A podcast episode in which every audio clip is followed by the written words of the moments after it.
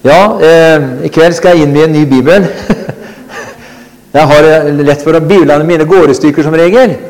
Eh, jeg husker den første jeg hadde, det var 1930-oversettelsen. og det, Når du leser veldig mye, så er ikke først og fremst det som gjør at han går i stykker i permen, men det er da at du har så lett for å døtte ark og sånne ting inni Bibelen. Og når du døtter forskjellige saker og eh, ark inn i Bibelen du skal huske, ja, det var en veldig fin traktat, så legger du den inn der. Og, og til slutt så blir Bibelen mye tjukkere enn den egentlig er. Og, når jeg kjøpte, så ringte jeg nå til Herman Forlag nå på, nå på onsdag, og så sier jeg at eh, jeg vil gjerne ha en, har du noe igjen av den Gilbrandt-bibelen fra 1988, med, altså studiebibelen i kalveskinn? og så sa hun at eh, nei, den var egentlig gått ut, da. Men og, så gikk hun på lageret og sjekka, så ser hun så fant hun én som var sendt i retur fra en eller annen leverandør kunde. da. Uh, og den er, er den hel, sa jeg. Ja, den er like hel, sa for at uh, han ligger i esken. og uh, Ja, men den er i kalveskinn, sa jeg. Ja, den er i kalveskinn, det står det på esken, sa hun. ja, men da tar vi den, sa jeg. Ja, men da skulle du få den rimelig, sa så fikk jeg den for halv pris, da. Så det var jo veldig bra også. Og da tenkte jeg på det at, at, og da sto det nemlig i den permen så sto det at hvordan bevare Bibelen uten at han ble ødelagt i, i permene. Så sto det bl.a. en av de syv anbefalingene var å ikke døtte for mange ting inni Bibelen. Fordi at den er ikke bygd sånn og limt sånn at den tåler for mye. Eh, for mye eh, da løsner den her i permen. Så derfor så tenkte jeg for nå får jeg kanskje gjøre det nå, da, for jeg har en, at jeg ikke døtter så mye inni. da. Men jeg har døtta allerede én ting inni, da, og det er en sånn, en, en sånn Jerusalem Old City. som jeg fikk første gang jeg var i Jerusalem. Så den, den, den, den kommer ikke til å ødelegge en bibel her. Amen. Halleluja. Men i, og med at jeg skal tenke på at hva skal man eh, ikke at jeg har en ny bibel, det kjøper, det kjøper folk hele tida. Men jeg vil gjerne dele noe i kveld som, eh, som, eh, som, har med hva som er viktig for eh, ja, viktig, Alt Guds ord er jo viktig, da, men noe av den linja som, som, jeg kommer til å, å, holde meg til i tiden som ligger framfor oss. da. Men først skal vi ta en liten innledning her. altså, Jeg skal si litt om Kristi hemmelighet i kveld. Men før vi gjør det, så skal vi se på noen fellestrekk ved Jesus og Den hellige ånd. Uh, og da uh, kan vi slå opp Johannes 4, 34. Uh, Johannes 4, 34. Der står det Jesus sier til dem, 'Min mat er å gjøre Hans vilje som har sendt meg, og å fullføre Hans gjerning'. Altså hva er Jesus sier han? 'Min mat', sin. Eller det, det, jeg, eh, det som er viktig for meg, som jeg kan brødfø meg med, det er å gjøre Hans vilje som har sendt meg. Og vi vet det var Faderen som sendte Jesus. Og så legger han til og fullføre Hans gjerning. Min mat er å gjøre Hans vilje som har sendt meg, og fullføre Hans gjerning. Videre i Johannes 5 og i vers 19 så sier han her at um, Jesus svarte da og sa til dem, 'Sannelig, sannelig, sier jeg dere.' Når ordet 'sannelig', 'sannelig' kommer to ganger, så betyr det egentlig at det her er, det er ugjenkallelig. Det står fast. Derfor si en sannelig, sannelig, sier jeg dere, sønnen kan ikke gjøre noe av seg selv, men bare det han ser Faderen gjøre. For det han gjør, det gjør Sønnen likeså. Altså, Sønnen kan ikke gjøre noe av seg selv, sier Jesus her, men bare det han ser Faderen gjøre. For det han gjør, at det Faderen gjør, det gjør Sønnen likeså. Og hvorfor, jo, hvorfor var det sånn, venner? Jo, for Johannes 6, 38 sier For jeg er kommet ned fra himmelen, sier Jesus, ikke for å gjøre min egen vilje, men Hans vilje som har sendt meg. Så er altså Helt ifra Jesu utgangspunkt og inn i hans når han begynte, begynte, i tjenesten, så var Jesus helt klar på det. At han kom ikke for å gjøre sin egen vilje, men han kom for å gjøre hans vilje som hadde sendt ham. Men Jesus var fullstendig klar over at han som menneske hadde en egen vilje. Men han sa at 'jeg har ikke kommet for å gjøre min egen vilje'. Bare det avslører at han hadde egen vilje. Så akkurat som han sier der, akkurat når han, eh, akkurat når han kommer i Getsemane, og like før eh, Judas og soldatene kommer der, så ser vi da at eh, Jesus han, han, han begynte å, å, svette blod. altså Han svette ble til blod. Og så sier han, 'Far, om det er mulig, så la denne kalk gå meg forbi.' 'Men ikke som jeg vil, men som du vil', sier han. Og så overlater han sin vilje til Faderen, og i det øyeblikket han gjør det, så kommer engler og tjener ham. Det betyr ganske enkelt at der og da så var den menneskelige viljen til Jesus den, eh, den var til stede der, og den ville gjerne Jesus, om det er mulig, om det fins en annen vei, Herre, enn far, enn at jeg må gå korset, fins en annen vei enn at jeg må dø for menneskehetens synder, hvis det er mulig, sier han. Men så lenge til en 'men ikke som jeg vil, men som du vil', og så overlater han sin vilje til Faderen. Og i det øyeblikket han overlater sin vilje til Faderen, så kommer det engler fra himmelen og styrker ham. Halleluja. Priset være Jesu navn. Og så Derfor så kunne si det i vers 38 her, 6. Jeg er, himmelen, jeg er ikke kommet ned fra himmelen.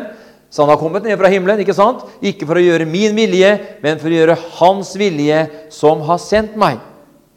Og Hvis vi går da videre til det siste verset her i forbindelse med Sønnen og Den hellige hånd, så kommer vi til Johannes 16.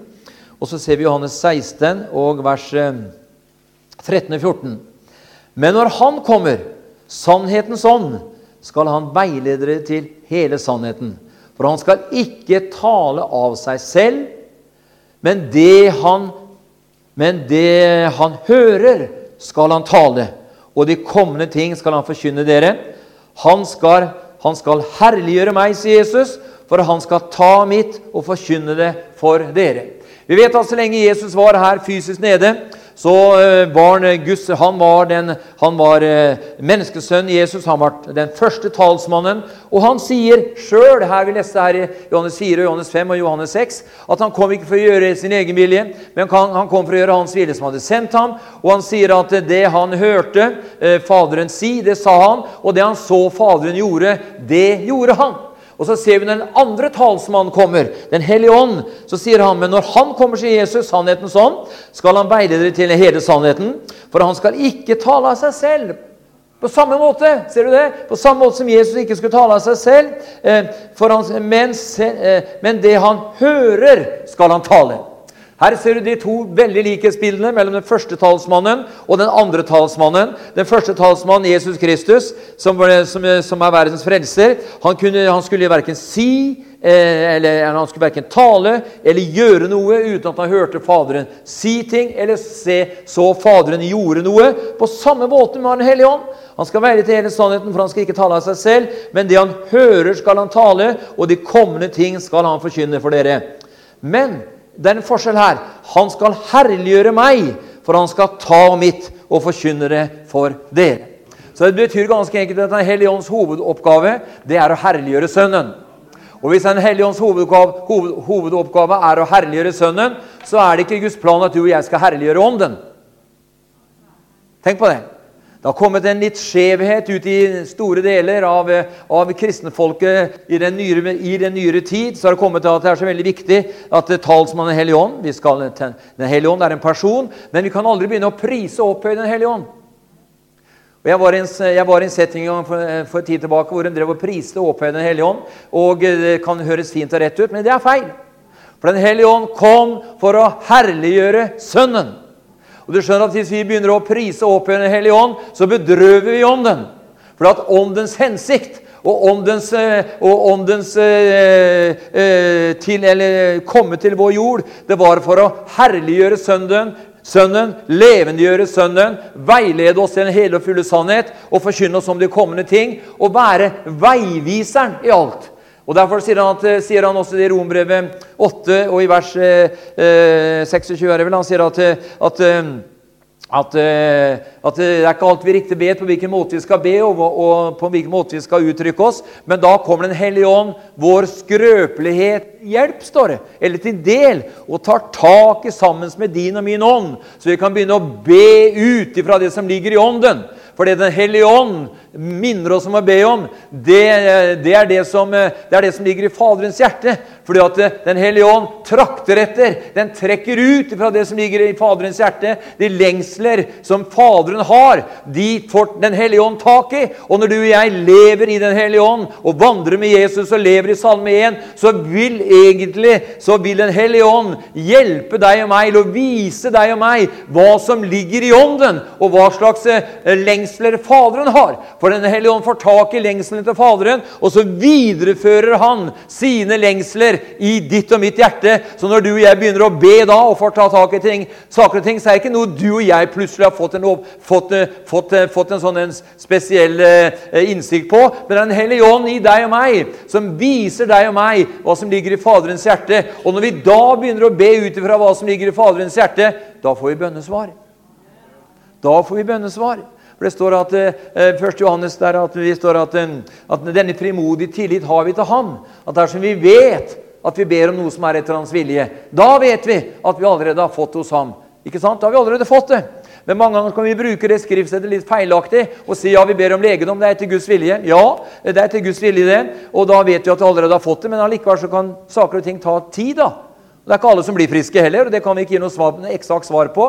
Men nøkkelen er at hvis Den hellige ånd kommer og sier 'Nå skal du be for å Klara', og du kjenner Den hellige ånd sier at ja, men, ja for å klare hun, hun har alvorlig, en alvorlig hjertesykdom, så kommer Hellige ånd og sier 'Nå skal du be for Klara'.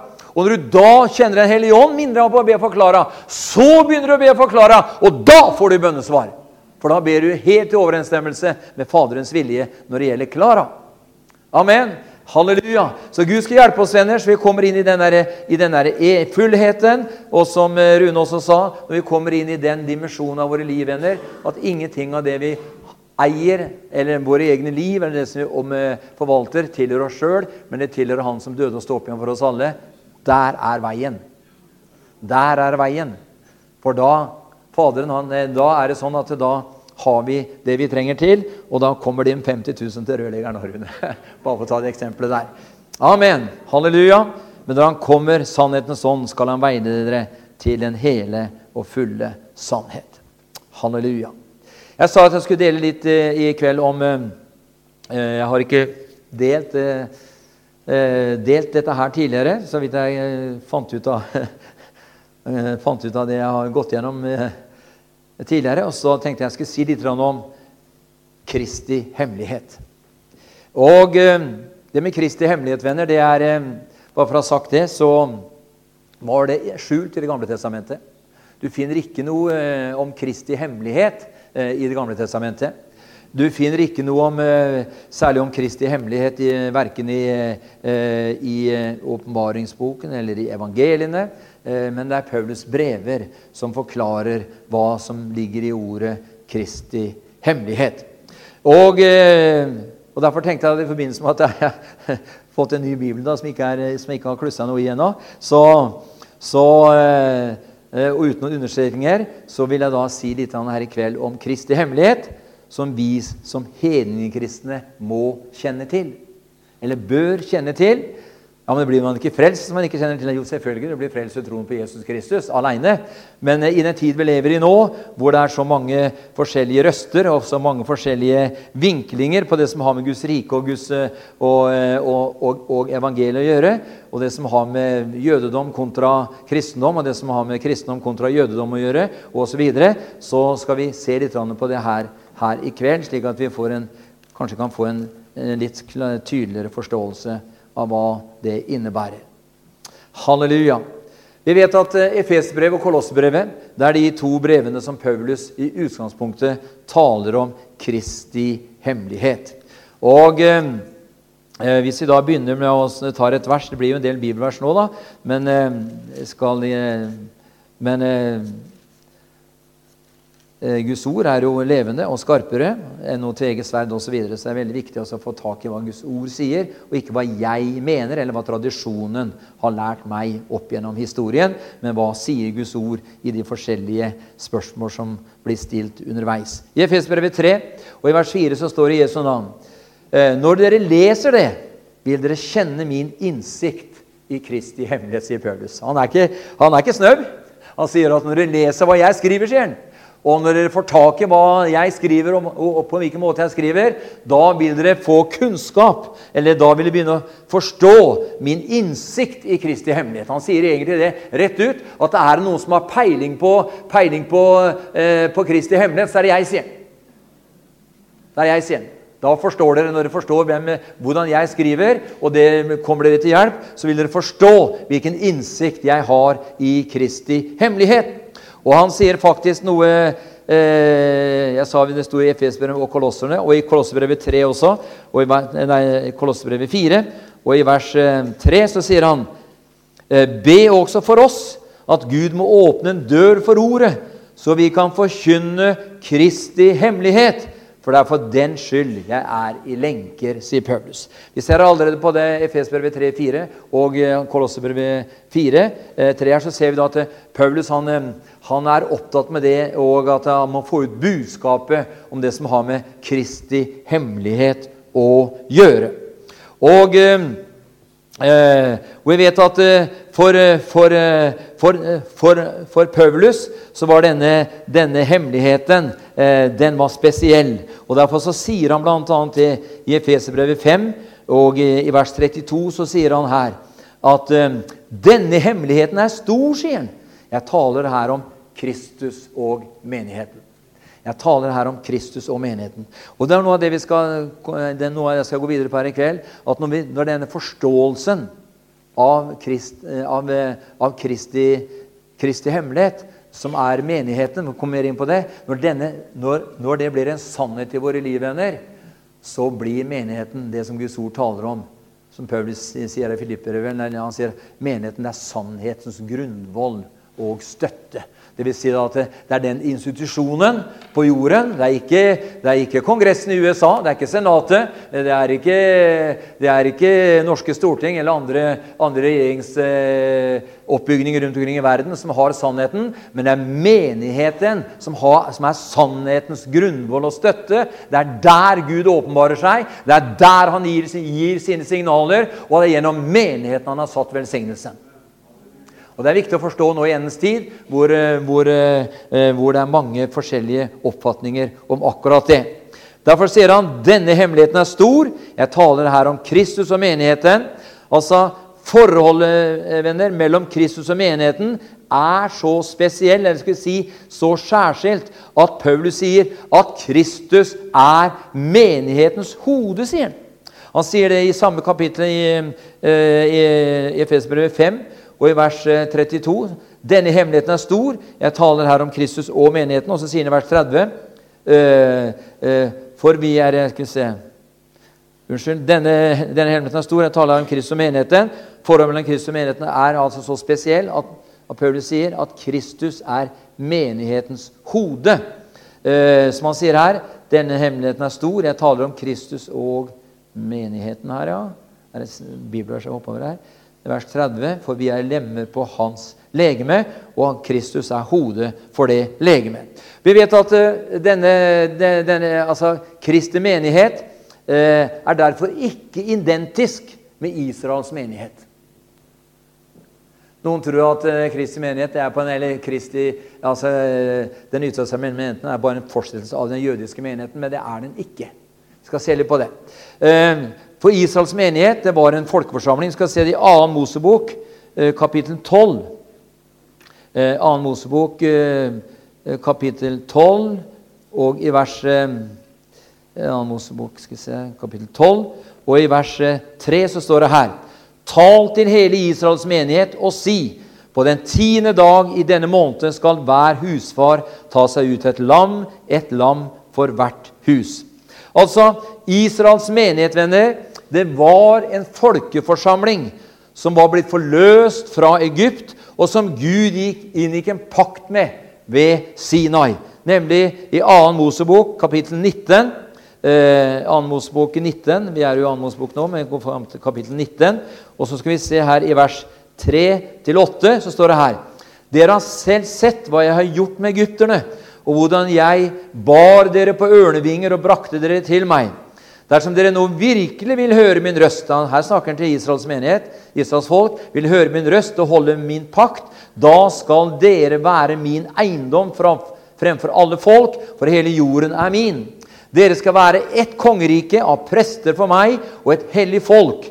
Dette er de ord du skal tale til Israels barn. Da Moses kom tilbake, kalte han til seg folkets eldste og bar fram for dem alle disse ord som Herren hadde pålagt ham. Da svarte hele folket alle sammen, alt det Herren har sagt, vil vi gjøre. Og Moses bar folkets ord tilbake til Herren. Eh, vi ser her at eh, kristen menighet derimot, eh, altså Israels utvelgelse og Israels eh, Guds pakt med Israel ved, ved paktsinngåelsen ved Sinai, som, hvor det jødiske folket var en folkeforsamling, så vet vi det at, eh, vi det at eh, derimot Kristi menighet derimot, det er en forsamling som Gud har kalt ut av alle folk. For nemlig Israels folkeforsamling det var en forsamling som Gud hadde kalt ut av det jødiske folk. Kun det jødiske folket. Vi alle andre vi var fremmede utlendinger vi, for det folket. Mens derimot eh, Kristi, altså Jesu Kristi menighet eh, er en forsamling som Gud har kalt ut fra alle folk. Og Det sier eh, første eh, det kan vi se her i, i altså Kolossebrevet 3 eh, og i verset 11 så sier Paulus noe om det her. Han sier her i Kolossbrevet 3 og i Dette marka er så tett nye. vet du. Og, og, i vers 11 så sier han her er det ikke greker eller jøde, omskåret eller uomskåret, barbar, skyttel, trell eller fri. Kristus er alt og i alle. Kristus er alt og i alle. Ja, men Skal vi nå holde, hoppe bukk over den jødiske forsamlingen? Nei, bare vent, vent, se, vent vi er ferdige her i kveld. Skal vi få se. Uh, ja, så selv, eh, så derfor, kan det, derfor heter det eh, eh, Kristi menighet. Her er det ikke greker eller jøde, leste vi. Omskåret eller uomskåret. Barbar, skytten, trell eller fri. Kristus er alt og i alle.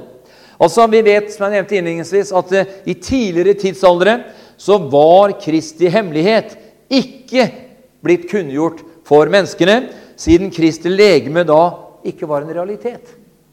Han kunne ikke fortelle, altså det kunne ikke åpenbares om Kristi hemmelighet når, når, eh, når Kristi legeme ikke var en realitet.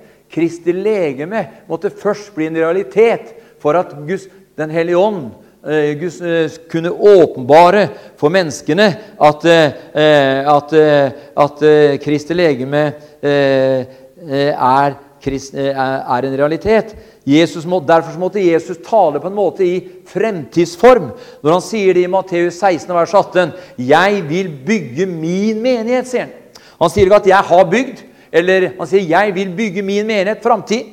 Og dødsrikets porter skal ikke få makt over den. Og det han sier at og det den menigheten som jeg bygger, det den menigheten binder på jorden, skal være bundet til himmelen. Og det den menigheten løser på jorden, skal være løst til himmelen. Så vi ser her at når Jesus snakker om, han snakker om framtid Han sier det kommer en dag, sier han, da jeg skal bygge min menighet. Og den menigheten som jeg får bygge, sier Jesus, den skal dødsrikets porter ingen få makt over. Men alle organisasjonsformer som mennesker bygger, og som mennesker etablerer, det kan fienden få makt over. Men når Jesus bygger sin menighet, så skal dødsrikets porter ingenlunde ha makt over den. og Derfor så ser vi at Jesus taler eh, eh i framtid, og han sier på denne klippet, på den Peters bekjennelse om at Jesus Kristus er Herre, på den bekjennelsen vil han vil Jesus bygge sin menighet. Og Det er akkurat det bibelverset som katolikkerne har tatt. Akkurat som eh, Peter sier, at på denne, på denne, på denne klippet vil jeg bygge min menighet. Og så har omgjort da Peters bekjennelse til å handle om at, bygge, at, Herren skal bygge sin menighet på Peter. Og så har vi fått hele det pavelige systemet, som, eh, som opp gjennom historien har vært eh, blant de mest grusomme sanne kristendomsforfølgere gjennom hele historien. Vi vet at det er ingen som har drept så mange muslimer som muslimer. Det er fordi det er Shia og, og, og, og, og Sunni. De dreper hverandre, de hater hverandre og slakter hverandre så fort de får en mulighet til det. Men på samme måte så er det heller ingen som har drept så mange sanne kristne som de kristne. Og de kristne, da må vi bruke de kristne gåseøyne, nemlig den katolske kirken. Den har millioner på millioner av martyrer på sin samvittighet opp gjennom historien. Så Derfor må jeg være klar over det. At, eh, at eh, der, og Derfor sier Jesus 'jeg vil bygge min menighet', og den menigheten jeg bygger, sier Jesus, den skal dødsrikets porter ingen makt få over. Og jeg tror venner, at hvis vi virkelig hengir oss til Herren av hele vårt hjerte og søker Hans åsyn og kommer inn i den salme 1 her, at ikke noe av det som du og jeg forvalter, tilhører oss, men tilhører Han som døde og sto opp igjen, så blir det ganske enkelt sånn, venner, at da er vi på trinn 1 inn i den dimensjonen av, den overnaturlige, eh, av det overnaturlige liv livet hvor Jesus Kristus eh, kan få lov til å trede fram og virke fram med sine tegn, under og mirakler osv. Så, videre. så derfor sa jeg men når ble Kristi menighet dannet, da? Altså Vi vet at eh, pinsebevegelsen lærer at Kristi, venn, ja, at Kristi, venner, at Kristi menighet ble danna på pinsedag. Og det er ikke bare dem som mener det. Det er, veld, altså det er veldig mange som, som, mener det. At uh, menigheten ble etablert eller grunnlagt på pinsedag. Men så er spørsmålet er det tilfellet. La oss se på noen vers her. I, i, i Apostlene 20 og i vers um, 28 uh, så ser vi her Apostlene 20 og i vers 28 uh,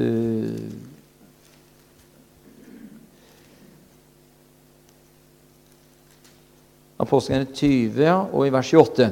Så gi deg akt på dere selv og på hele jorden, som Den hellige ånd har satt dere som tilsynsmann for, for at dere skulle vokte Guds menighet, som han vant med sitt eget blod. Som han vant med sitt eget blod. Venner, menigheten den ble født ved Jesu Kristi oppstandelse fra de døde. For han var den førstefødte av de på nytt fødte. Han var det første medlemmet i den, i, i den nytestamentlige menigheten. Derfor så sier Paulus i Efesbrevet 2, og i vers 5 så sier han Vi blir mye i Efesbrevet, kapittel 2, vers 5. Eh, ta fra vers 4. Men Gud som er rik på miskunn, har pga. sin store kjærlighet som han elsket oss med, gjort oss levende med Kristus, vi som var døde ved våre ved våre overtredelser av nåde er dere frelst. Altså, ikke bare er eh, Kristus eh, førstefødt, men også hans menighet skjønner du, er også førstefødt. Du og jeg, Guds menighet, er førstefødt. Og Derfor sier han også det i Kolossebrevet Jeg sa at det var i Kolossebrevet og, og, og i Fesbrevet, hvor han snakker mest om, om eh, Paulus snakker mest om den innsikten han hadde i, eh, i Kristi hemmelighet. Og Han sier her i Kolossebrevet 1 og i vers 18 sier han og han er hodet for legemet, som er menigheten. Han er opphavet, den førstefødte av de døde, for han at i alt skulle være den fremste. Og han sier også, eh, Hebrebrevets forfatter sier også, eh, kommenterer dette her og sier det i Hebrevet 12 og i vers 23 så, så, så, så sier han her at til høytidsskaren og menigheten av de førstefødte som er oppskrevet i himlene, til en dommer som er alles Gud, og til de fullendte rettferdiges ånder. Vi ser her at uh, det er ikke bare Kristus som, uh, som, uh, som, som var den som, altså, som, ble født ved Kristi oppstandelse, men, og som ble førstefødt, men også hans menighet leste vi her i, Kolossebrevet 1,18 og i Hebrevet 12 og i vers 23. Men, men hva var pinsedag, da? Jo, venner, på pinsedag var Kristi menighet allerede en realitet. For det står i Apostlene 2,41, etter at Peter holdt sin tale vet du, etter, etter på pinsedagen og ånden falt Den dagen ble det lagt til omkring 3000 mennesker som ble frelst, døpt og tillagt menigheten. Den var der allerede. For den blei ble født, den. Eh, i den Jesu oppstandelse. For Jesus var den førstefødte av de på nyttfødte. Så han var det første medlemmet i den nytestamentlige menigheten, for å si det på, på et enkelt språk. Så kan du si ja, men pinsedag, da? Jo, det var utrustelsen. Det Det var salvelsen. Salvingen, for å si det sånn. Det var salveoljen som kommer under Hellig Ånd, som kom over menigheten der. Det ble utrustelsesdagen for Guds menighet. For han sier jo det at, eh, for han, Jesus sier, at, eh, sier det i Lukas der, i slutten av Lukas, at, eh, han sier at det blir byen inntil dere blir ikledd kraftig fra det høye. Han hadde først ånda på dem i henhold til Johannes. Han åndet på dem og sa, 'Ta imot Den hellige ånd'. Da ble den født på ny. Da ble den født på ny, og så, men de fikk ikke lov til å begynne å forkynne ordet før salvelsen fra himmelen, Den hellige ånd, hadde kommet. Og når Hellige ånd kom over de 120 der på øvre salen, så, så, ble de jo ikke født på ny, men da ble de døpt i en hellig ånd og ild. Og så begynte de å forkynne evangeliet om Jesus Kristus og han oppstanden. Og da skjedde det at 3000 på den dagen ble frelst, født på ny, døpt og tillagt menigheten. For Ellers har det stått at han hadde etablert menigheten på pinsa. Det står ingen steder, det. Men hvis du ser nærmere ut ifra og grunner på det Paulus sier, den innsikten som han hadde i Kristi, i Kristi hemmelighet, så ser vi det, venner, at det er helt naturlig også. For den dagen du og jeg ble frelst og født på ny, så ble vi ikke døpt ned Hellig Ånd. Noen, noen, noen, ble kanskje døpt ned Hellig Ånd i løpet av fem minutter. da. Men nummer én var at du ble frelst og født på ny. Og så kunne kanskje noen ha kanskje gått et halvt år, noen har gått tre dager, noen har gått ti år, noen har gått 30 år. Så kommer hvor de opplever dåpen i Den hellige ånd og gild, som er på en måte salvelse, utrustning for tjeneste. Så på pinsedag, venner, da blir det feil jeg er ikke enig i den teologien der, da blir det feil å si at da ble menigheten født. Nei, det var den dagen menigheten fikk sin utrustning til å begynne å praktisere evangeliet. Amen. Halleluja. Det er sikkert mange som kan stille spørsmål rundt det, men du, du, får, du får, søke sjøl. Så på pinse, som jeg sa, på pinsedag var Kristi menighet allerede en realitet. Og den dagen ble det lagt omkring til 3000 medlemmer. Eller sjeler, står det. Så, så eh, Og ja, ja, kan du, lese, du kan jo lese det. Det står eh, i, i Apostlene 2. 33. Vi kan jo bare ta med noen vers her før vi har um,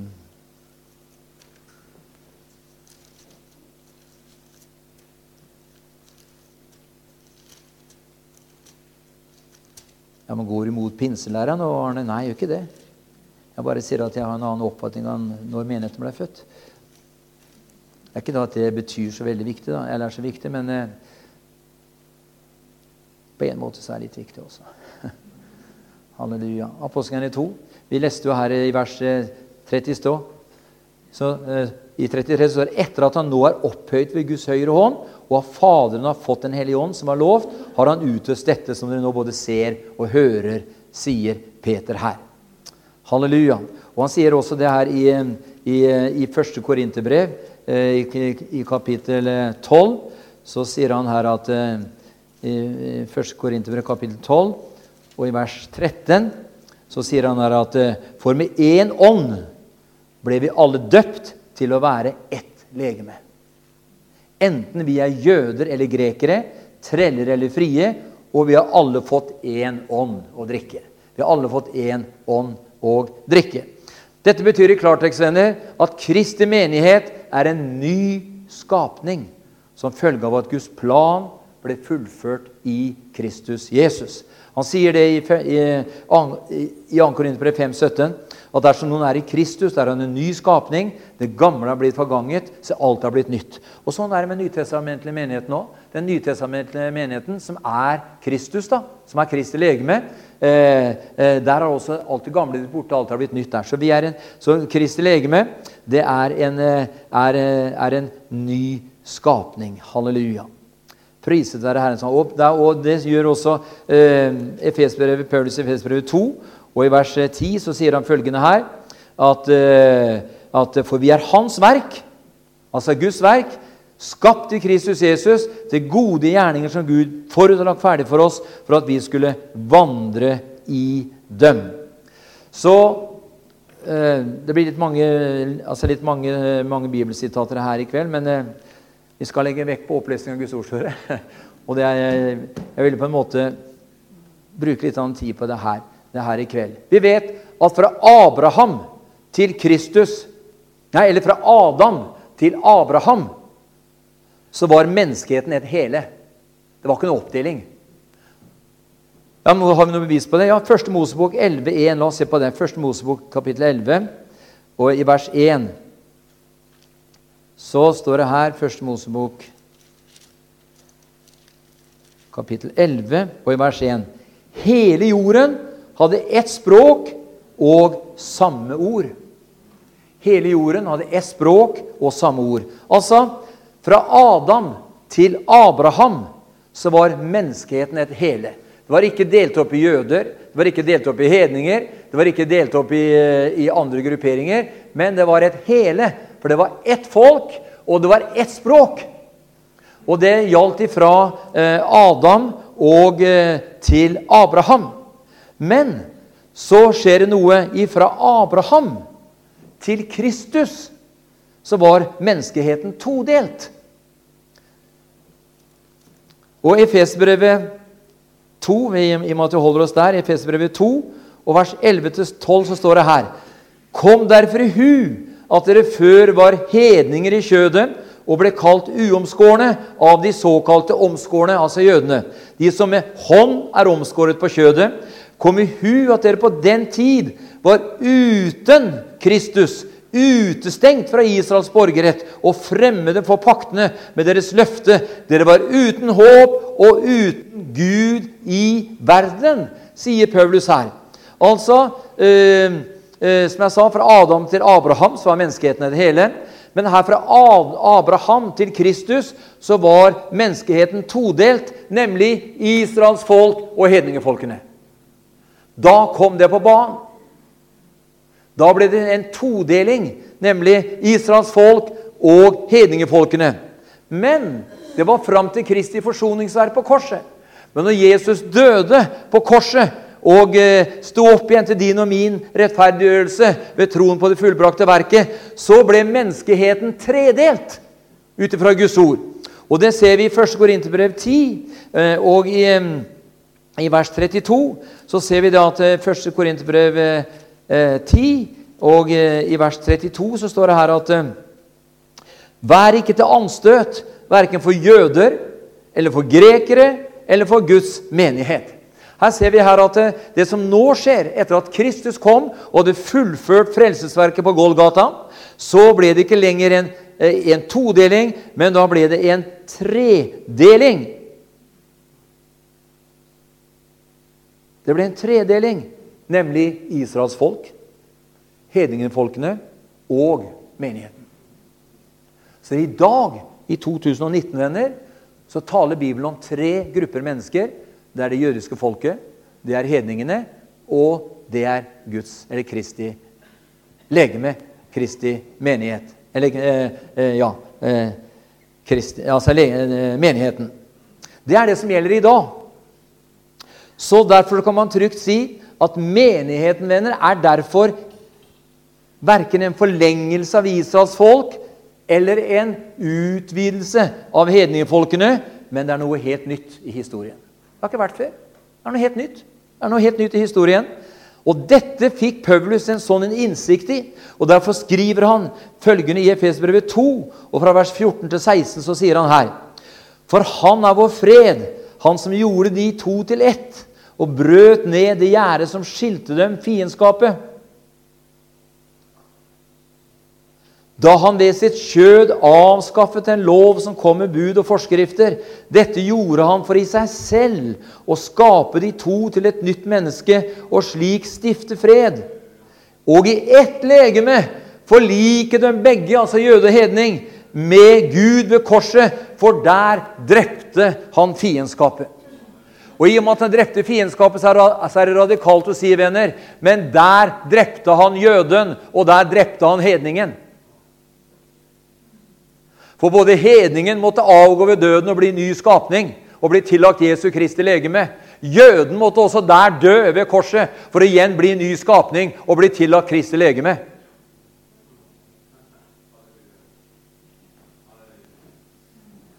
Så Derfor så drepte han fiendskapet, det som skilte jøde og hedning. Ja, Men er ikke jødene det utvalgte folket, da? Jo, men, skal høre.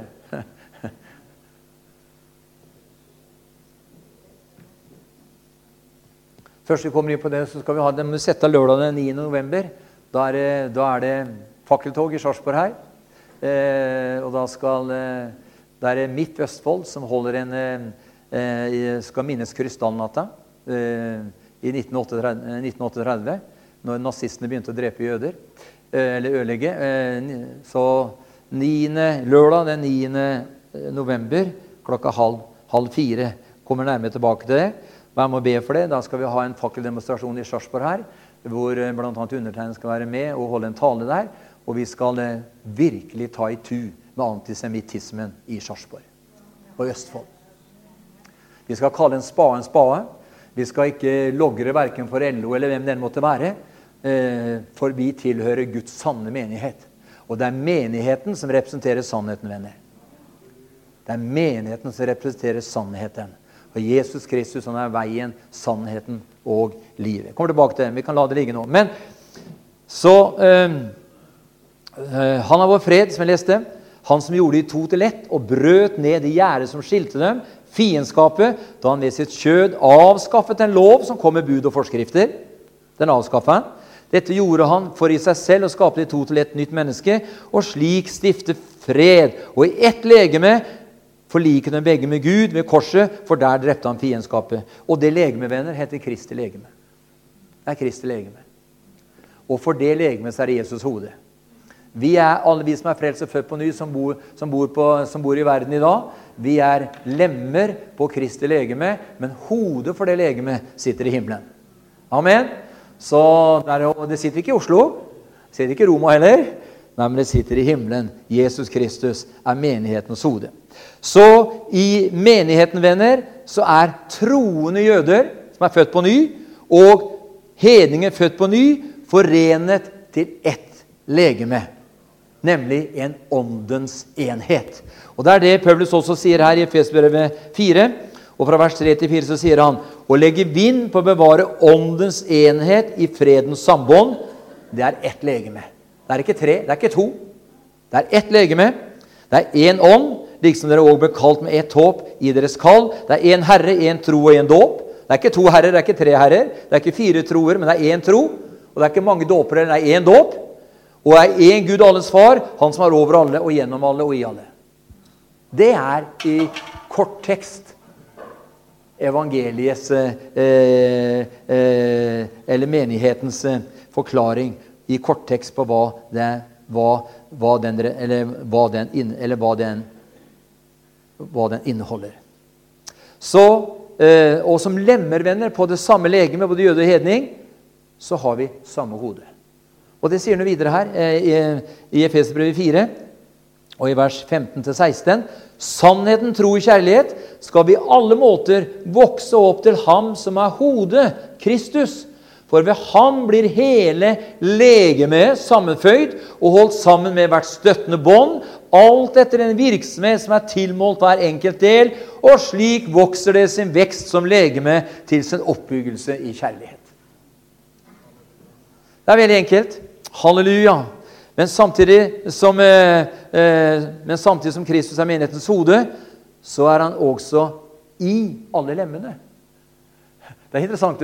Han sitter ikke bare i himmelen og er, og, og, og er legemets hode, men han eh, er også til stede i alle lemmene. Og Paulus sier noe om det her i Kolossbrevet 3. Eh, og i vers 11 så sier han her her jeg har lest det en gang før, her er ikke grekere eller jøde omskåret eller uomskåret, bar, bar, skytter, tre eller fri. Kristus er alt og i alle. Han er alt og i alle. Samtidig som han er menighetens hode, sitter i himmelen, så er han også alt og i alle i deg og meg. Som lemmer på det legeme hvor Kristus er hodet og sitter ved Faderens høyre hånd og bl.a. lever av og i forbønn for deg og meg. Derfor, skjønner du, av den grunn så kan Paulus si følgende, og han sier noe her i, eh, i 1. Korinterbrev 12. Eh, i 1. Korinterbrev 12 og i kapittel 12 Nei, kapittel, unnskyld, 1. Korinterbrev 12 og i vers 12 så sier han For like som legemet er ett og har mange lemmer, men alle legemets lemmer er ett legeme, enda de er mange, slik er det også med Kristus. Så Hvis denne sannheten her går opp for oss, venner, at det blir en sannhet i vårt hjerte hvor ikke bare leser, men at det går, går opp at, vi virkelig, at Kristus sitter i himmelen. Han er hodet for sitt legeme. Vi er lemmer på hans legeme. Vi tilhører hverandre eh, i Kristus. Og Kristus bor i ethvert lem. Og derfor er han også eh, eh, eh så, er, eh, så, selv om vi er mange, så, så altså, sier Paulus liksom legemet er ett og har mange lemmer. Men alle legemets lemmer er ett legeme. Og enda det er mange, slik er det også med Kristus, sier Paulus. Venner, det, det, som er, si, det, som er, viktig, eller riktig, da, å kalle dette mysteriumet for, da, for å bruke, det er, ikke, det er ikke noe mysterium lenger, for det er jo oppklart. Paulus har jo det åpenbarte. Jeg skal vise dere, sier han, ved at dere studerer hva jeg har skrevet. Så forstår dere hvilken innsikt tok vi innledningsvis her, hvilken innsikt jeg har i det som har med Kristi eh, hemmelighet å gjøre. Så Derfor er det riktig av Paulus å kalle denne enheten, denne skal vi si forunderlige enheten, for Kristi hemmelighet. Fordi allerede på vei til Damaskus så ble Paulus, når han var ute og forfulgte dem troende, konfrontert med denne hemmeligheten. Han kom inn i Guds lys, står det. Og han fikk høre Vi skal, eh, vi skal ikke slå opp det, men Apostelgangen 22, vers 7-8. Han, kom inn i, han kom inn i Guds lys. Han falt av hesten og fikk høre en røst som sa, 'Saul, Saul, hvorfor forfølger du meg?' Jeg svarte, 'Hvem er du, Herre?' Og han sa til meg, 'Jeg er Jesus fra Nasaret, han som du forfølger.' Jeg er Jesus fra Nasaret, han som du forfølger. Venner, hva betyr det? Jo, det betyr ganske enkelt at det å, så det å forfølge de kristne var og er det samme som å forfølge Kristus. Han forfulgte de troende. Hvem er du, Herre, sier, sier Paulus. Ja, jeg er Jesus fra Nasaret, han som du forfølger. Så det forteller meg i klartekst, venner, at åpenbaringen av det skriftstedet her forteller oss nemlig at en forfølgelse av deg og meg som frelst og født på ny, er en forfølgelse av Kristus. Gud vil at vi skal få se dette her i et større perspektiv, så ikke vi blir 'stakkars meg', liksom. Det er ikke noen lille 'stakkars deg'. Du er en ny skapning i Kristus Jesus. Du er satt i himmelen i Kristus Jesus i FS brevet 2, for allerede her i tiden herske og regjere med ham. Men det er umulig for deg og meg å begynne å herske og regjere med ham hvis vi ikke forstår hvilken kraft og hvilken makt Gud allerede har delegert ned i ditt og mitt liv som nye skapninger i Kristus Jesus. Halleluja. Så det Herren vil hjelpe oss, venner, så vi framover kommer inn i denne rette forståelsen. At vi ikke lar oss vippe av pinnen når noen kommer og sier at fortapelsen eksisterer ikke lenger ennå. Det er mange som tror at fortapelsen ikke eksisterer lenger. Først så hadde vi adventistene som ikke trodde på det. da. De sa jo det at, de sa jo da at eh, det med å kastes i en sjø som brenner med ild og svovel, det er, det er, på en måte det er en tilintetgjørelse, sa de. Men så husker jeg sa det en gang, eh, så er det jo sånn at hvis det ikke, var, hvis det ikke er noen himmel å vinne og et helvete å unnfly, hvorfor måtte Jesus dø da? Men nå i de siste venner, så har det kommet en del røster ifra etablerte kristne sammenhenger som egentlig har hørt evangeliet. Og som begynner å si at det er ikke noe, er ikke noe fortapelse heller. Og Det var ikke nødvendig at Jesus døde på korset heller. For Guds kjærlighet er jo så mangfoldig som hadde til, og det er også universell, som hadde til slutt frelst alle. Men det er en løgn. Det er en løgn, ikke bare fra London, som sa under krigen, men det er en løgn fra helvete. Ja, det er det der. Og der, da, blir, da, går de enda lenger og blir enda verre enn adventistene i sin teologi. Og Mange ganger så er det fare la, la, ta meg på noen ganger, at noen, noen ganger så sitter du og ser på kristne TV-kanaler, og så slår du opp på, slår du opp på den derre eh, Hva heter den derre Hæ? Life. Nei, ikke Life, men eh, Lifestyle. Og der er eh, adventistene, vet du, syvendagsadventistene fra USA har jo egentlig de som grunnla den stasjonen der. Og så kan du sitte og høre på noen sånne, kan det komme noen sånne matprogram vet du, som er veldig fine. vet du, ikke sant? De snakker om hvor sunt det er å spise det og det, og ikke blande det og det, og rene, rene sånne korsoppskrifter og sånn. Og så kan de plutselig komme inn og så kan de fortelle om at, eh, så kommer en og forteller om at Jesus døde på korset. og det er fantastisk. Men så plutselig så kommer det noe innimellom der. vet du. For at de har ikke ren teologi, sånn som vi ser det. Og, ikke, og, da er det å si 'Oi, så flott sagt', liksom. Og så sitter du der og så sluker du inn det som kommer på lifestyle. da. Men vi må, legge, vi må huske på det uh, at det bak de, de, de altså røstene så har de sitt opphav i en teologi som er på av, som ikke har med sannheten å gjøre. Og, blir, og så sitter du og hører på og lytter for mye til de, på de signalene og på de kanalene, så kan du uten å være klar over det bli forført så du kommer inn i den samme tankegangen som, eh, som disse eh, maktene og myndighetene i det systemet har. Ja, men Er det ikke gode mennesker mange av dem? Jo, selvfølgelig er det mange gode mennesker der. Men nå her i kveld så snakker vi om teologien, og vi snakker om den innsikten som Paulus hadde i Kristi hemmelighet. Og Det er nemlig den teologien som Paulus hadde i Kristi hemmelighet, som er veldig viktig for deg og meg å få en rett forståelse av. For det vil gjøre at vi blir seirende troende i, dag som, i dager som ligger framfor oss.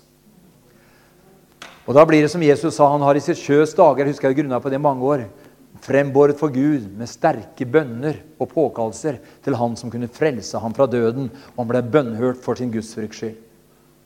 Og Mange så tenkte ja, men det var vel i Getsemane hvor han ropte og skrek. liksom. Men han ropte ikke og skrek der. Eh, på, altså, på, altså, på, den måten, så vidt jeg kan se. Men eh, det har det at når Jesus han har prøvet i alt liksom deg og meg vet du. Så det er klart at plutselig så kom han inn fristelser. Han kunne komme inn fristelser som kjøttet skrek. Det der vil jeg være med på. Men Jesus visste som Josef at hadde han blitt med på det, fristelsen, så hadde frelsesverket vært borte. Hadde ikke blitt noe frelsesverk. Derfor ropte han og skrek til han som kunne frelse ham fra døden. Og han ble bønnhørt for sin gudsfrykts skyld. Herren fridde ham ut. Og Det betyr ganske enkelt at når du og jeg også kan komme, komme ut i en fristelse, så er det sånn at vi, ja, vi er ikke så nøye, det er jo nåde å få.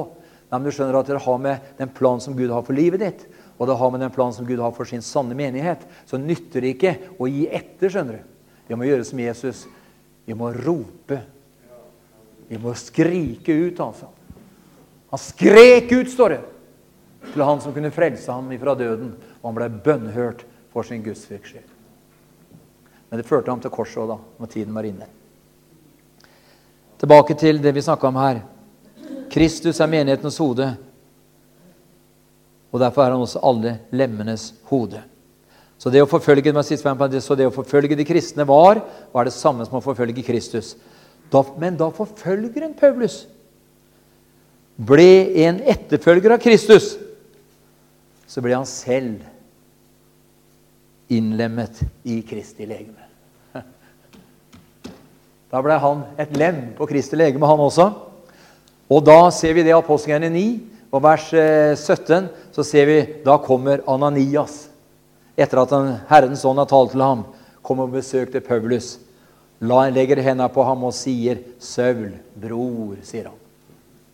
Da var det bare noen dager i forveien så var han den som bl.a. var med å la kappa si som en stadfestelse på, Stefan, på, steiningen av Stefanus. Han samtykka i det, og han var med og forfulgte de kristne så langt han kunne. Men nå fikk han møte han som har forfulgte. Så kjenner vi historien. Han ble frelst og født på ny. Og så kommer, så kommer eh, Ananias legger hendene på ham og sier, 'Saul, bror'. Da har han blitt et lem på Kristi legeme. Halleluja. Men ikke bare et kristustroende jøder tilhører Kristi legeme. For i Fesbrevet 3 her, jeg er fortsatt i Fesbrevet 3, og i vers 6 så står det her at Jeg har kanskje lest det også, At hedningene er medarvinger. De hører med til legemet og de har del i løftet i Kristus Jesus ved evangeliet. Hedningene er medarvinger, venner.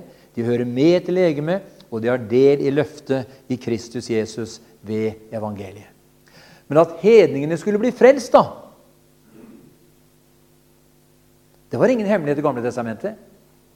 Selv om Herren sier til, til Abraham i 1. Mosebok kapittel 12 at i deg skal alle jeg skal gjøre ditt navn stort og, og i deg skal alle jordens slekter velsignes. Så der ligger allerede der ligger et løfte om at det var ikke bare jødene det gjaldt eh, eh, for tid og evighet. Eh, men det var det første folket Gud utvalgte. Men det kommer en tid der også alle jordens folk skulle, skulle, skulle, skulle ta imot evangeliet. Og Derfor så, derfor så sier jo, sier jo eh, Esaias i Esaias kapittel 49 vers 6 Så vil jeg da gjøre deg profeti til et lys for hedningene folkene, for at min frelse må nå til jordens ende.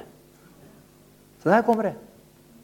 Så vil jeg gjøre deg, Jesus, til et lys for hedningefolkene, for at min frelse må nå til jordens ende. Og Da blir det som det står i Efesbrevet 4,4. Det er ett legeme og én ånd og alt dette her vi kjenner til, som vi allerede har gått gjennom her. da. Så Kristi hemmelighet, venner, det innebærer at hedningene som tar imot evangeliet, er likeverdige medlemmer med kristustroende jøder på det samme legeme. Jeg har egentlig nevnt det tidligere. Denne sannhet hadde Guds ånd åpenbart for Paulus, der han sier i Efesbrevet 3 og vers 3.: Ved åpenbaring har han kunngjort for meg hemmeligheten, slik jeg ovenfor har skrevet til dere med få ord, sier Paulus. Så vi ser her at men også ja, men Var det bare Paulus som hadde den åpenbaringen da? Altså, Men også for andre kan vi si, nytestamentlige apostler og profeter så fikk også de se at menigheten er en åndelig felles maktfaktor. Han sier det i Efesbrevet 3 og i vers 5. Den var ikke i tidligere tidsaldre gjort kjent for menneskenes barn, slik som den nå er blitt åpenbart for hans hellige apostler og profeter ved ånden. Så Derfor så finner du ikke noe svar på det her eh, i Gamle testamentet. Du finner heller ikke noe svar på det i de fire evangeliene. For det var mellomtilstanden fram til, fram til, eh, eh fram til Kristus døde og sto opp igjen.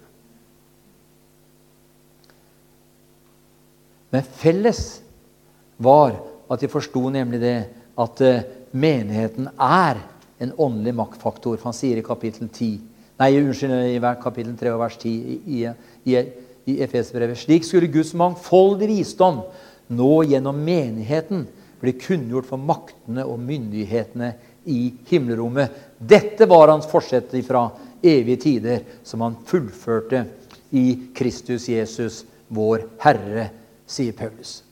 Halleluja. Så vi kan si det sånn at i, at i, at i tidlig tidsaldre så var dette forholdet mellom Kristus og menigheten en hemmelighet som var skjult i Gud, og som da bare ble kunngjort i skygger og i forbilder. Eh, og det er i Fesbrevet 3. Eh, og så kan ta vers, eh, Vi har lest det før, da, vers 5. Den, den var ikke tidlig tidsalder gjort kjent for menneskenes barn. Og vers 6 at hedningene er medvarvinger. Og vers 7.: For dette evangeliet er jeg blitt en tjener i kraft av den Guds nådesgave som er gitt meg, ved virksomheten av Hans kraft. Og til meg, den minste av alle de hellige Paulus, ble den nåde gitt å forkynne hedningene evangeliet om Kristi uransakelige rikdom. Og i vers 9.: Og opplyse alle om hvordan husholdningen er med den hemmelighet som har vært skjult fra evige tider, i Gud, Han som skapte alt ved Jesus Kristus. Så vi ser her at det, Tidligere så var det bare kunngjort i skygger og forbilder. Men nå ble det krystallklart åpenbart i og gjennom at Paulus fikk denne åpenbaringen direkte fra Jesus. Paulus fikk ikke åpenbaringen fra verken Peter, Jakob eller Johannes, men han fikk en direkte ved at Jesus selv kom til Paulus og underviste ham og fortalte ham hva han skulle si i denne setningen. Så Derfor kan vi si det. Eh, vi kan ta, et, kan ta et sånt, et, altså noen eksempler fra altså, altså Gamle testamentet. Vi ser forholdet mellom Adam og Eva. Vi ser forholdet mellom Isak og Rebekka. Vi kan se forholdet mellom Josef og Asnat, Moses og Sipora, Boas og Ruth osv. Så, videre. så er det her det er en sånn en, to forskjellige, men den ble ett. Den ble ett. I menigheten er altså Guds rike til stede, ikke bare blant jøder, men også blant hedningene. Tidligere så var Guds rike knyttet kun til Israel. Eh, 2. Mosebok 19 og i vers 6. Men nå når Kristi legemevenner er dannet, så er vi som gjenfødte hedninger medborgere i det samme riket. Det leste vi her i Efesbrevet 2, og i vers 19 eh, så er det ikke da lenger fremmede og utlendinger, men dere er de helliges medborgere og Guds husfolk. Halleluja. Venner, denne innlemmingen til slutt her, denne innlemningen i Kristi legeme er knyttet til en bestemt tid. Den er tidsbestemt. Paulus sier derfor i forbindelse med Kristi hemmelighet dere har hørt om husholdningen men en Guds nåde som er meg gitt for dere. Det sa han her i, eh, i, i, i Efesen 3,2. Så sant dere har hørt om husholdningen men det er Guds nåde som er meg gitt for dere. Venner, når dagen kommer at Kristi legeme er blitt fulltallig. Etter Guds egen rådslutning så vil Kristi legeme ikke lenger befinne seg i denne verden. Romerevet 11, 25 svarer, svarer, på det, sier det. Romer 11, 11, vers 25. For jeg vil ikke, brødre, at dere skal være uvitende, er Paulus som snakker igjen, om denne hemmelighet, for at dere ikke skal anse dere selv for kloke, for forherdelse er for en del kommet over Israel, inntil hedningenes fylde er kommet inn. Halleluja. Så når det kristne legeme er blitt fulltallig, etter Guds egen rådslutning, for å si det sånn, så vil Kristi legeme lenger ikke befinne seg i verden, men den vil befinne seg i himmelen, i henhold til Romerbrevet Rombrevet 11.25 her. Og da vil Kristi, Kristus framstille sin menighet i herligheten, som han sier i Efesbrevet 5 og i vers 27 eh, slik at han kunne stille menigheten framfor seg i herlighet, uten flekk eller rynke eller noe slikt, men at den kunne være hellig og ulastelig. Halleluja. Så, eh, svar, så utgangspunktet på eh, denne hemmeligheten er at eh, jøde og hedning vi er ett i Kristus Jesus, selv om det er to forskjellige eh, profetiske løfter om eh, Israel har et landløfte. Det har jo ikke hedningene. Og det er en hel del masse andre ting med dette her. Men innenfor det med Kristi hemmelighet så er vi ett i Kristus, både jøde og hedning. Og jødene blir heller ikke frelst. Det er noen som mente, Jeg hørte noen som sa for mange år siden at ja, men skjønner Gud har en annen løsning for jødene. De, de, kan bli frelst på en annen måte. Nei, det er ingen annen vei for jødene enn å bli frelst. For det er kun ved Jesus Kristus at både jøde og hedning blir frelst og født på ny. Og det var Gud som i Kristus forlikte dem begge med seg selv da han gjorde de to til ett på korset. Når Jesus ropte ut det var et fullbrakt, da bannet han en ny og levende vei for hele menneskeheten. Så har vi alt det andre som har med Israel og det, det profetiske ordet med Israel også å gjøre. Men det, det, skal vi ikke gå inn på her i kveld, for det er mange mange, mange, mange bibeltimer rundt det. Men det vi er, er viktig for deg å være klar over, at eh, eh, i Kristus i dag, venner, så lenge legemet er her på jord, så er du og jeg i Kristus Jesus likestilt med en født på ny jøde. Han har ingen fortrinn på den måten, men han har fortrinn på mange andre måter.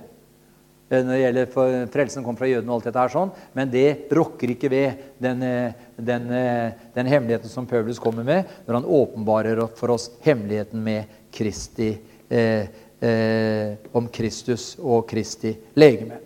Halleluja. Skal låssangen komme fram her, og så skal vi prise Gud? Det var kanskje et eh, Halleluja. Jesus Kristus venner, han er veien, han er sannheten og er livet. Og ingen kommer til Faderen foruten ved han. Men derfor er det viktigere å ha det eh, ja, men Det er så viktig å forstå dette her. Det er viktig å forstå eller ikke, men det som er viktig å forstå, det er at du er en ny skapning. Og Det som er viktig å forstå, det er at du er utvalgt i Kristus Jesus fra før verdens grunnlov belagt. Og Det som er også viktig å forstå, er at du er dyrebar i hans øyne. Og han har latt sin ånd ta bolig i deg for at, jeg, for, at, altså for at, du og jeg ikke lenger skulle leve for oss selv, men vi skulle leve for Han som døde og stå opp igjen for oss alle. Og jeg tror venner, at i den tiden vi går i møte nå før Jesus kommer igjen, så skal vi få se at, eh, at uh, sannheten om Guds sanne menighet Menigheten skal reise seg, og vi skal få se Hans herlighet. Vi skal få er, erfare Hans nærvær, og vi skal få oppleve å få se tegn, under og mirakler på en slik måte som var på Jesu tid. For jeg tror nemlig på samme måte som når blodet ble strøket over dørstolpene dagen før de skulle utgå ut ifra, fange, eh, ut fangenskapen i Egypten, så skjedde det noe den natta. Alle syke blant alle jøder og alle dem som var innafor de veggene hvor blodet ble strøket, de ble helbreda. De ble helbreda. Derfor står det at det var ikke en eneste som snublet, men de gikk ut som en mann. står det. Ut av trellehuset i Egypten. gikk ut som en mann. Og det skulle ikke forundre meg jeg tror jeg, jeg sa det sist søndag også, det skulle ikke forundre meg om at vi kommer i en, i en slik situasjon nå før Jesus kommer igjen. For Han snakker om det i Efesbrevet, at eh, han satte noen til apostler, eh, profeter, evangelister, hyrder, lærere for at Guds menighet skulle vokse og bygges opp til, til eh, manns modenhet, til, full, eh, eh, eh, til aldersmålet for Kristi fylde og bli en moden mann. Dvs. Si, skal bli Kristus lik. Kristus i oss håp om herlighet osv. Og, så og da tror jeg da at det skulle ikke forundre meg om at det plutselig en dag, venner så blir alle syke i Kristi legeme momentant helbreda. Skulle ikke forundre meg. For når den gamle, den gamle pakt var rik på løfter osv., men den nye pakt er enda rikere. Det skulle ikke forundre meg om det vil skje, så halleluja. Men vi nærmer oss Jesu gjenkomst, vi nærmer oss Han som døde og sto opp igjen for, for oss alle, kommer igjen. Men jeg tror at før det skjer, så skal vi se et forvandla Østfold. Vi skal få se denne, dette fylket, venner, forvandle. Det skal bli daglig, det skal bli helt vanlig at folk stopper hverandre, stopper på torver og på gatehjørner og står og ber til Gud. Det skal bli helt vanlig. Treffer en broder og sier ja, jeg har det litt tøft. Ja, la oss be. Så står du der og ber. Det skal bli helt vanlig. Helt, I dag er det unaturlig. For styringssettet vi har i landet vårt i dag, de er bare opptatt med kroner og ører og, og hvordan få kontroll på liksom, eh, saueflokken. Men sannheten er at Jesus han elsker hver og en. Han elsker hver og en av oss. Så den dagen vi får politikere som elsker folket høyere enn seg selv, da er det åpent. Da er det klarert fra himmelen for seier og gjennombrudd. Halleluja. Og Gud vil fylle oss, han vil danne oss, han vil forme oss, og han vil utruste oss etter sitt bilde og etter sitt kall. Og hver for oss venner skulle vi bli stående etter å ha overvunnet alle ting. Derfor sier Herren til deg her i kveld at jeg har utvalgt deg, jeg har kalt deg ved navn, jeg har tegnet deg i begge mine hellige hender, og jeg har gitt deg del i guddommelig natur, for at du ikke lenger skulle leve for deg selv og for dine nærmeste, men for at du skulle leve for meg. For jeg er alfa og omega, jeg er begynnelsen og jeg er enden, og jeg har lagt min ånd på deg, og jeg har lagt min hånd på deg, for at du skulle bruke det jeg har lagt over deg, til menneskers frelse, og, og, og, og for å komme inn i fullheten av min plan, for jeg har lagt et løp ferdig for deg sier Herren. Og det løpet jeg har lagt ferdig for deg, har jeg bestemt at du skal vandre i. Derfor vil jeg at du tar, det, tar et skritt tilbake og søker i mitt åsyn og, og søker meg i lønndom inntil du erfarer og opplever veien videre for deg, sier han som kaller oss som utvelger. For jeg har kalt deg, ikke bare ved navn, og ikke bare har jeg tegnet deg begge mine hellige hender, men jeg har planlagt en rik tid for deg, en rik tid for deg, sier Herren. Jeg har planlagt overraskelser. Jeg har planlagt Du kommer til å møte mye motstand. Du kommer til å møte mennesker som ikke riktig forstår hva du sier og hva du mener. Men det la det ligge, sier Herren, for jeg er med deg. For jeg, for jeg vil fylle ditt beger så det flyter over. Men de skal bli storlig forundret når de erfarer og oppdager at du er en person som ikke slår tilbake, for du er full av min kjærlighet og min godhet og min barmhjertighet. Og når min kjærlighet og min godhet og, og, og barmhjertighet får, får, får lov til å være drivkraften i ditt liv, så skal du få erfare og få, få, erfare og få oppleve, Herren sånn at mange skal komme til tro. Mange skal komme til tro på meg pga. din lydighet i henhold til hva jeg viser deg, sier han som kaller oss som utvelger. Derfor skal du fortsatt feste blikk på meg. Ikke bare skal du feste blikket på meg, men du skal søke meg, se Herren. Du skal gå inn i ditt lønnkammer, og så skal du legge deg på mitt alter slik at jeg kan få lov til å tale til deg, slik at jeg kan få lov til å forme, slik at jeg kan få lov til å utruste, og slik at jeg kan få lov til å vise deg noe av det du skal få lov til å være med på i dager som ligger foran. For se, jeg er i går og i dag den samme. Jeg tok profetene ut fra deres daglige arbeid, sier Herren. Jeg tok Amos rett ut fra fåreflokken.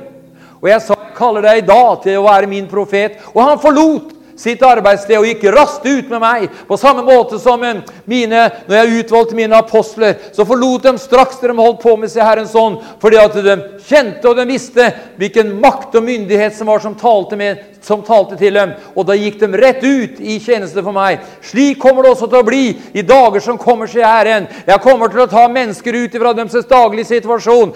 Dan forme dem, eller, eller, utruste dem, og la dem få delaktig i min kraft og min herlighet. Og de skal gå ut og ikke lenger forsøke å finne på et eller annet de kan gjøre. Ikke forsøke å søke råd her eller der, men de skal få høre åndens røst i sitt øre, sier Herren. Og de skal nøyaktig begynne å handle i overensstemmelse med det jeg viser dem. For å se på samme måte som jeg kalte mine tjenere i fordums tid, så vil jeg også kalle mine tjenere og tjenerinner i disse siste dager, sier han som kaller og utvelger. Vær derfor du bare tilgjengelig for meg, så jeg kan få deg i bevegelse, sier Herren sånn. For jeg har store planer for ditt liv, og jeg, har, eh, og jeg vil gi deg del i guddommelige gaver, slik at, du, at ingen kan kunne stå seg mot deg. For jeg er med deg, og, eh, og fordi jeg er med deg jeg vil bevare deg, og jeg vil holde deg oppe med min rettferdighets høyre hånd. Og jeg, gir, og jeg, vil gi deg ord ved min ånd, sier Herren. Ord som du ikke har lært av noe menneske. Men min, men min ånd skal legge sine ord ned i din munn, og du skal tale og bli et talerør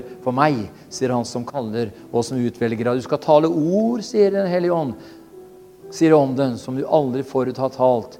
Men du skal tale ut når jeg kommer over deg, og det skal bli til rik velsignelse når du handler i lydighet på det jeg viser deg, sier Herren sånn. Amen. Reis opp igjen, og så bare priser vi Herren til slutt her nå også. Halleluja.